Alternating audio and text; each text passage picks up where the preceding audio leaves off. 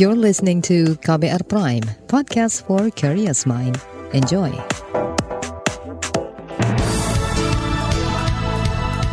Selamat pagi saudara, senang sekali kami bisa menjumpai Anda kembali melalui program Buletin Pagi edisi Jumat 26 Agustus 2022.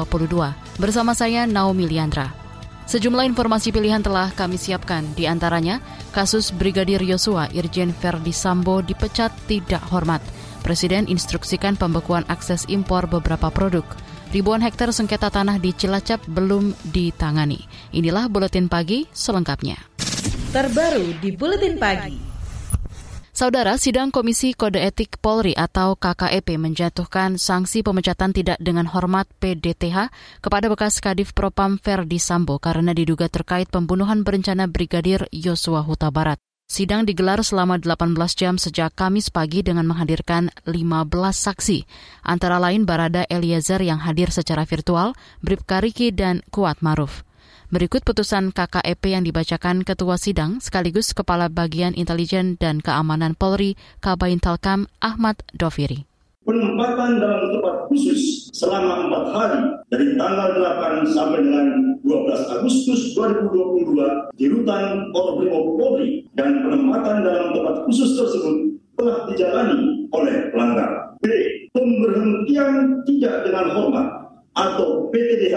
Sebagai anggota Polri. Doviri menyebut Sambo terbukti melanggar beberapa kode etik terkait kasus pembunuhan Brigadir J, yakni mulai merekayasa hingga menghalangi penyidikan kasus tersebut. Sebelum menjalani sidang, Verdi Sambo telah menyerahkan surat pengunduran diri kepada Kapolri Listio Sigit. Namun surat tidak dapat diproses karena Sambo menjalani persidangan. Menanggapi putusan sidang, Verdi Sambo langsung mengajukan banding kepada majelis etik. Ia berjanji apa pun keputusan dalam banding kelak akan dipatuhi. Izin Ketua dan Majelis Pak KRP, bagaimana kami sampaikan proses persidangan dan mendengarkan putusan. Kami mengakui semua perbuatan dan menyesali semua perbuatan yang kami telah lakukan terhadap institusi Polri. Namun mohon izin sesuai dengan pasal 69 PP 7 2022 izinkan kami untuk mengajukan banding apa pun putusan banding kami siap untuk melaksanakan. Mabes Polri merespons pengajuan banding Verdi Sambo usai difonis pemecatan tidak hormat. Juri bicara Mabes Polri Dedi Prasetyo usai sidang mengatakan Polri akan menunggu nota banding selama 21 hari terhitung sejak sidang digelar. Dedi menambahkan dalam 30 hari ke depan Komisi Etik akan kembali menggelar sidang secara bertahap untuk 35 anggota Polri yang diduga melanggar etik dalam kasus Brigadir Yosua. Selain itu, ia memastikan Polri akan memeriksa istri Verdi Sambo, yakni Putri Chandrawati dalam perkara yang sama. Ia sebelumnya juga sudah ditetapkan tersangka bersama empat orang lainnya. Pemberhentian tidak dengan hormat atau PTDH Verdi Sambo FS dalam sidang Komisi Kode Etik Polri KKEP sejalan dengan dorongan parlemen. Anggota Komisi Hukum DPR Taufik Basari mengatakan sanksi maksimal harus diberikan mengingat perbuatan FS telah mencoreng nama Korps Bayangkara. Ya saya melihat bahwa karena kasus ini menjadi perhatian dari masyarakat, ya menjadi pelajaran yang sangat berharga bagi Polri yang juga dari kasus ini kemudian mencoreng nama baik Polri dan menurunkan tingkat kepercayaan pada Polri tentu di pihak Polri-nya ingin kemudian memulihkan keadaan. Ya salah satu bentuk pemulihan keadaan adalah memastikan bahwa masyarakat merasa mendapatkan keadilan ketika orang-orang yang melakukan perbuatan-perbuatan ini mendapatkan sanksi yang tegas dari uh, Polri. Taufik menegaskan Polri harus bisa memberikan pesan kepada seluruh anggotanya agar tidak sekalipun melanggar hukum, kejahatan ataupun rekayasa kasus, sebab pasti akan diberikan sanksi tegas. Sementara itu, anggota Komisi Kepolisian Nasional Kompolnas Pungki Indarti mengatakan pemberian sanksi tegas harus dilakukan sebagai upaya bersih-bersih kepolisian. Selain itu, perlu ada pengawasan berjenjang agar sanksi-sanksi yang dijatuhkan bisa diterapkan dengan serius. Jangan sampai pengawasan-pengawasan yang seharusnya dilakukan berjenjang tidak dilakukan sehingga terjadi tindakan-tindakan pelanggaran hukum. Nah, kalau terjadi tindakan pelanggaran hukum, maka atasan yang bertanggung jawab untuk mengawasi mesti juga harus dimintain pertanggungjawaban seperti itu. Dan hukumannya mesti harus sungguh-sungguh, Mbak, karena saya masih melihat hukuman-hukuman yang dijatuhkan misalnya ini uh, sifatnya tidak menimbulkan efek jerah seperti itu. Itu tadi anggota Kompolnas Pungki Indarti. Dalam kasus dugaan pembunuhan berencana Brigadir Yosua, Polri telah memeriksa 97 personilnya. Puluhan orang itu berasal dari struktur Polres hingga Mabes Polri, dari Bintara hingga Jenderal. Dari 97 anggota polisi, 35 diduga melanggar etik, 18 di antaranya telah ditahan di tempat khusus. Hingga kini proses penyidikan masih terus berjalan. Brigadir Yosua tewas pada 8 Juli lalu. Saat itu polisi menyebut ia tewas dalam baku tembak di rumah dinas bekas Kadif Propam Polri Verdi Sambo. Belakangan diketahui ia tewas karena dugaan pembunuhan berencana. Selanjutnya, Presiden instruksikan pembekuan akses impor beberapa produk. Informasi akan hadir sesaat lagi. Tetaplah di Buletin Pagi KBR. You're listening to KBR Pride, podcast for curious mind. Enjoy!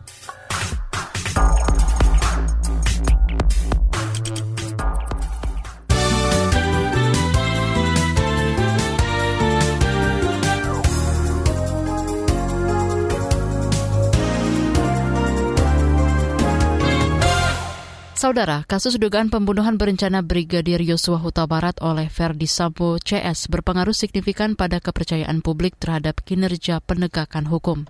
Direktur Eksekutif Indikator Politik Indonesia Burhanuddin Muhtadi mengatakan kepercayaan publik terhadap kepolisian turun ke angka 54 persen dari sebelumnya di atas 60 persen. Jadi dibanding bulan Juli, saat itu kita lakukan sebelum isu Sambo yang mengatakan buruk saat itu 25,8 persen, tetapi di bulan Agustus meningkat menjadi 37,7 persen. Jadi isu Sambo ini membuat persepsi publik terhadap penegakan hukum itu memburuk. Padahal kita tahu sebenarnya lembaga penegakan hukum yang lain juga bekerja, tetapi masyarakat terlalu fokus perhatiannya pada isu ini. Menurut Burhanuddin, pada tahun lalu Polri menduduki peringkat paling tinggi kepercayaan publik dibanding Kejaksaan dan KPK. Namun saat ini Kejaksaan mampu menaikkan kepercayaan masyarakat di angka 63 persen, disusul KPK 58 persen. Survei ini dilakukan pada awal bulan ini dengan melibatkan 1.229 responden di seluruh tanah air. Tingkat akurasi 95 persen, margin of error survei di antara 2,9 persen. Kita ke informasi lain. Dewan Pers merilis survei Indeks Kemerdekaan Pers IKP 2022 yang naik sebesar 1,86 poin menjadi 77,88 dibanding sebelumnya. Akan tetapi menurut anggota Dewan Pers Nini Rahayu, kekerasan terhadap wartawan atau jurnalis masih cukup tinggi. Meski secara nasional kemerdekaan pers ada pada kondisi cukup bebas. Bapak dan Ibu, situasi yang belum berubah dari IKP sebelumnya adalah ini yang paling penting saya kira Pak Menko Polhukam yang mewakili hadir pada hari ini. Kekerasan terhadap wartawan yang masih mewarnai pers Indonesia.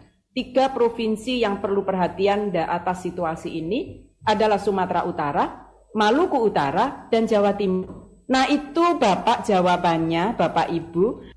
Nini mengatakan intimidasi dan kekerasan non-fisik pada wartawan oleh aparat negara masih terjadi karena isi pemberitaan.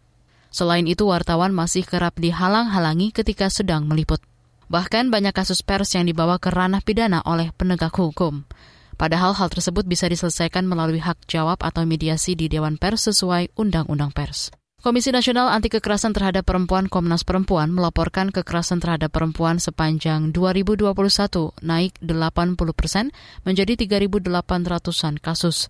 Sementara di 2020 lalu, laporan kekerasan terhadap perempuan hanya sebanyak 2.100-an kasus.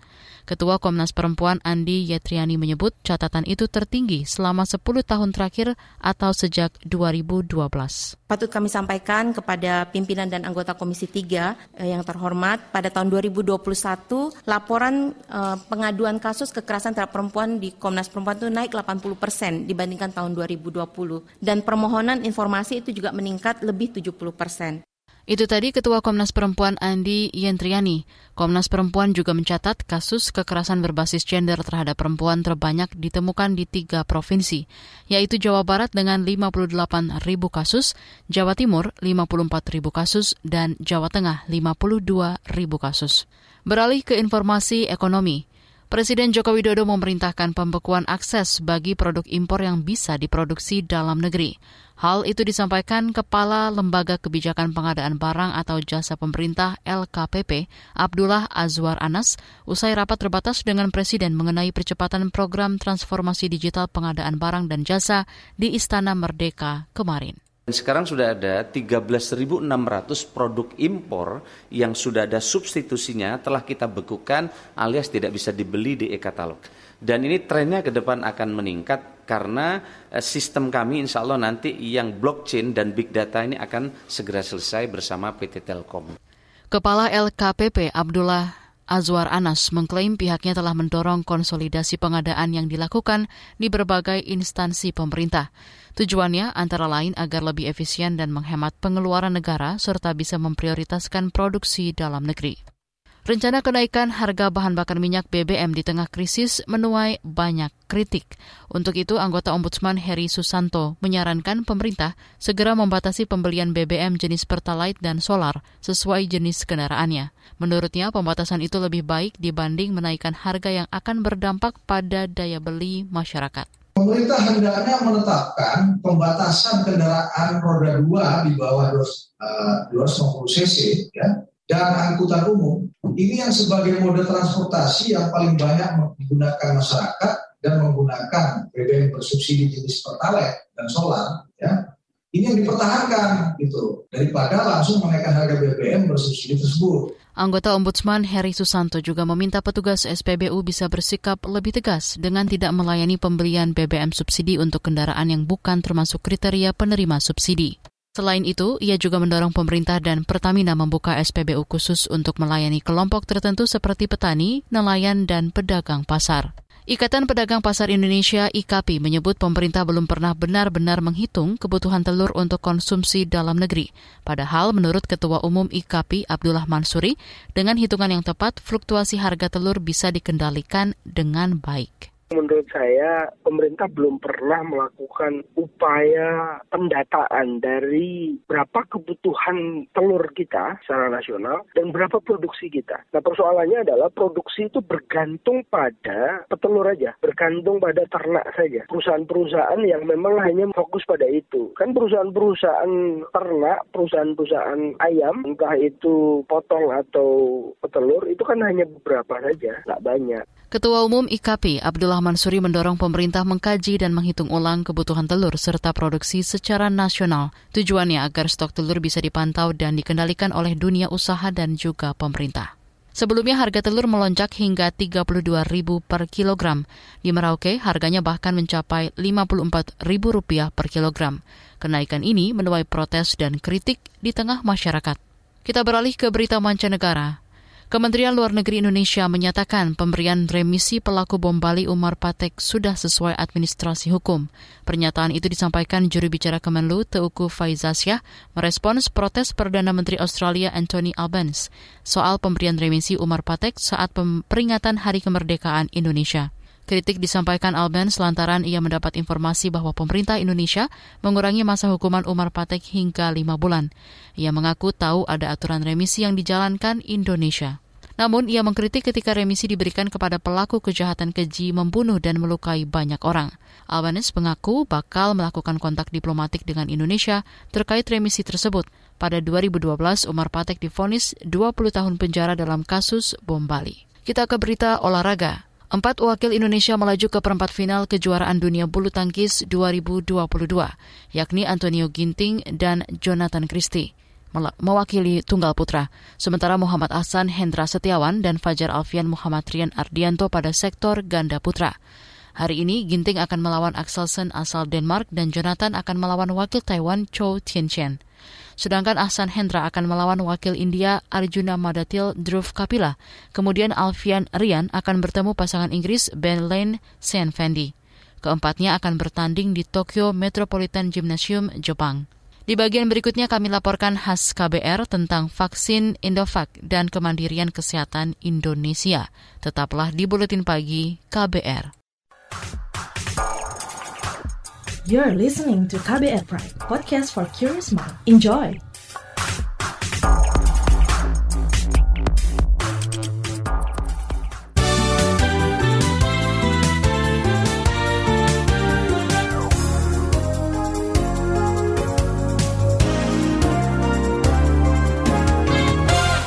Pandemi COVID-19 membuat sejumlah negara memacu inovasi di bidang kesehatan. termasuk Indonesia yang mengembangkan vaksin sendiri. Bagaimana pengembangan vaksin dalam negeri untuk mewujudkan kemandirian vaksin nasional? Simak laporan yang disusun Astri Yuwanasari. Saudara, sejak pandemi COVID-19 berjalan, pemerintah melalui Kementerian Kesehatan terus melakukan berbagai upaya dalam rangka mewujudkan ketahanan kesehatan dalam negeri. Menteri Kesehatan Budi Gunadi Sadikin mengatakan salah satu pilar transformasi penopang kesehatan Indonesia adalah transformasi sistem ketahanan kesehatan.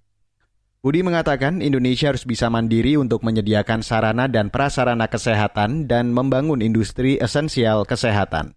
Kita sudah sejak bulan Maret ya, sebenarnya di awal Januari sudah mulai, cuma sibuk karena ada gelombang yang baru Omikron pada saat itu. Januari kita sudah mulai geser yang tadinya penanganan pandemi selama 12 bulan itu geser menyelesaikan tugas ketiga dari Bapak Presiden.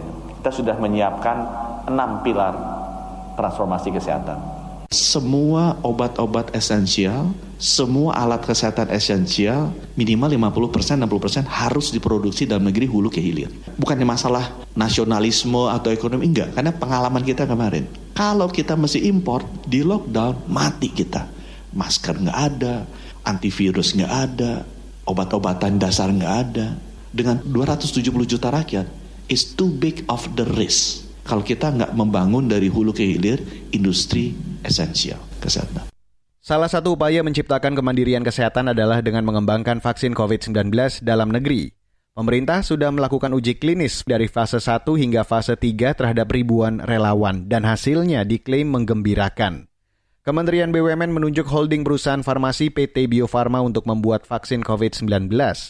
Direktur Utama PT Bio Farma Persero, Honesti Bashir, mengatakan vaksin ditargetkan akan segera rilis pada September mendatang. Memang pemerintah dalam ini Kementerian BUMN meminta kami untuk segera ya mencoba melakukan berbagai macam inovasi sehingga kalau suatu hari mudah-mudahan jangan ya kalau ada pandemi lagi Indonesia jauh lebih siap kita tidak tergantung lagi dari impor Inilah yang kami lakukan. Kita lagi mengembangkan vaksin COVID yang sementara namanya vaksin buang air. Tapi sebulan yang lalu sudah dikasih nama Presiden namanya Indovac, ya, Indonesian Vaksin. Ini berbasis rekombinan. Kita kerjasama dengan Baylor University College Medicine.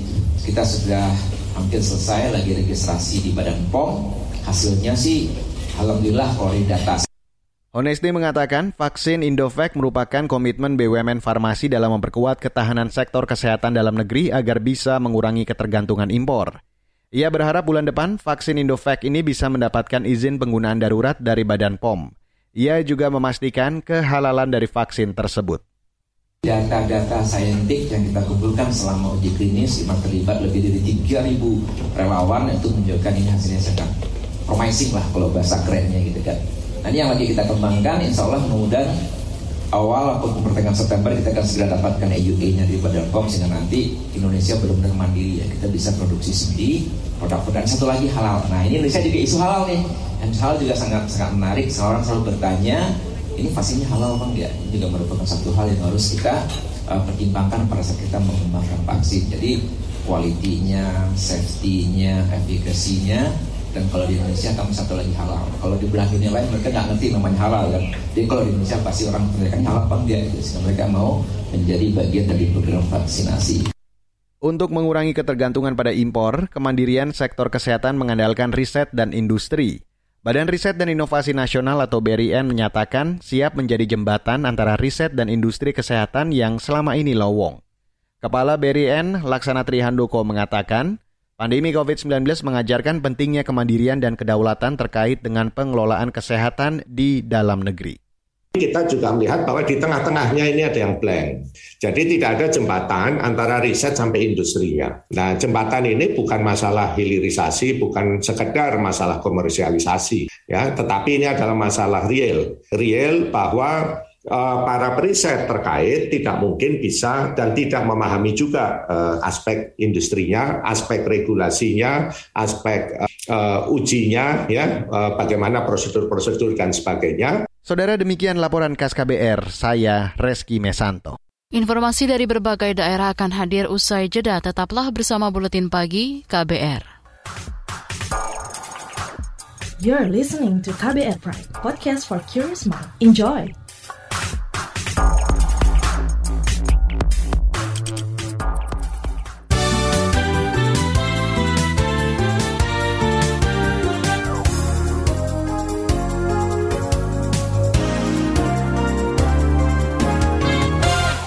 Saudara, Konsorsium Pembaruan Agraria atau KPA mendesak pemerintah segera menuntaskan konflik agraria yang kini masuk dalam lokasi prioritas reforma agraria atau LPRA. Sekretaris Jenderal KPA Dewi Kartika mengatakan, sebagian besar kasus-kasus agraria di Indonesia belum terselesaikan.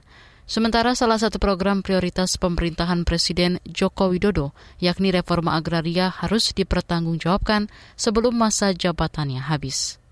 Saya menghitung tahun produktifnya, tahun efektifnya hanya 2000 sampai 2023. Karena biasanya menjelang tahun politik ya, itu tantangannya semakin banyak karena pemerintah juga terbagi konsentrasi konsentrasinya pada urusan politik dan pada urusan berbagai program yang harus diselesaikan karena masa masa jabatan berakhir. Karena masih banyak kasus yang LPRA-nya bahkan beberapa kasus belum masuk LPRA ya, artinya mungkin itu pengorganisasian baru Dewi menyebut salah satu wilayah LPRA yang belum tuntas berada di Cilacap, Jawa Tengah. Di sana ada ribuan hektar tanah sengketa yang sudah diajukan masuk reforma agraria, namun belum diselesaikan satupun. Padahal pada 2019 di Cilacap sudah terbentuk gugus tugas reforma agraria atau GTRA yang diketahui langsung Bupati Cilacap. Inflasi kota Solo mencapai 5,18 persen untuk tahun kalender Januari-Juli 2022 atau year to date. Angka tersebut jauh di atas inflasi nasional yang mencapai 3,85 persen. Wali Kota Solo Gibran Raka Buming Raka mengatakan inflasi di Solo tinggi karena banyaknya acara atau event yang digelar di kota Bengawan. Gibran menyebut adanya agenda acara besar meningkatkan permintaan barang sehingga menyebabkan harga-harga meningkat. Kendati begitu, ia mengklaim tarif inflasi saat ini masih normal. Bahkan menurutnya, daya beli masyarakat masih mampu mengikuti naiknya harga komoditas. PT Pertamina Patraniaga Regional Kalimantan menjamin ketersediaan stok bahan bakar bersubsidi sesuai dengan kuota yang ditetapkan pemerintah bersama BPH Migas. Jaminan ini disampaikan juri bicara PT Pertamina Regional Kalimantan, Susanto Agus Satria. Dilansir dari Antara, Susanto menyebut realisasi penyaluran Pertalite Regional Kalimantan hingga 14 Agustus adalah 1,3 juta kiloliter, sedangkan kuota Pertalite tahun ini sebesar 1,7 juta kiloliter. Ia menambahkan, khusus untuk Provinsi Kalimantan Selatan, realisasi penyaluran Pertalite hingga 14 Agustus adalah 280-an ribu kiloliter dari kuota sebesar 330-an ribu kiloliter. Ia mengajak masyarakat yang berhak mendapat subsidi segera mendaftarkan kendaraan melalui website My Pertamina. Informasi tadi menutup jumpa kita di Buletin Pagi hari ini. Pantau juga informasi terbaru melalui kabar baru, situs kbr.id, Twitter kami di akun @beritaKBR serta podcast di alamat kbrprime.id. Akhirnya saya Naomi Liandra bersama tim yang bertugas undur diri. Salam.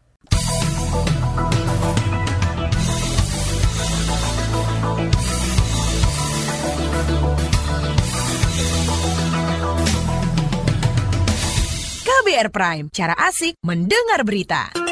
KBR Prime, podcast for curious mind.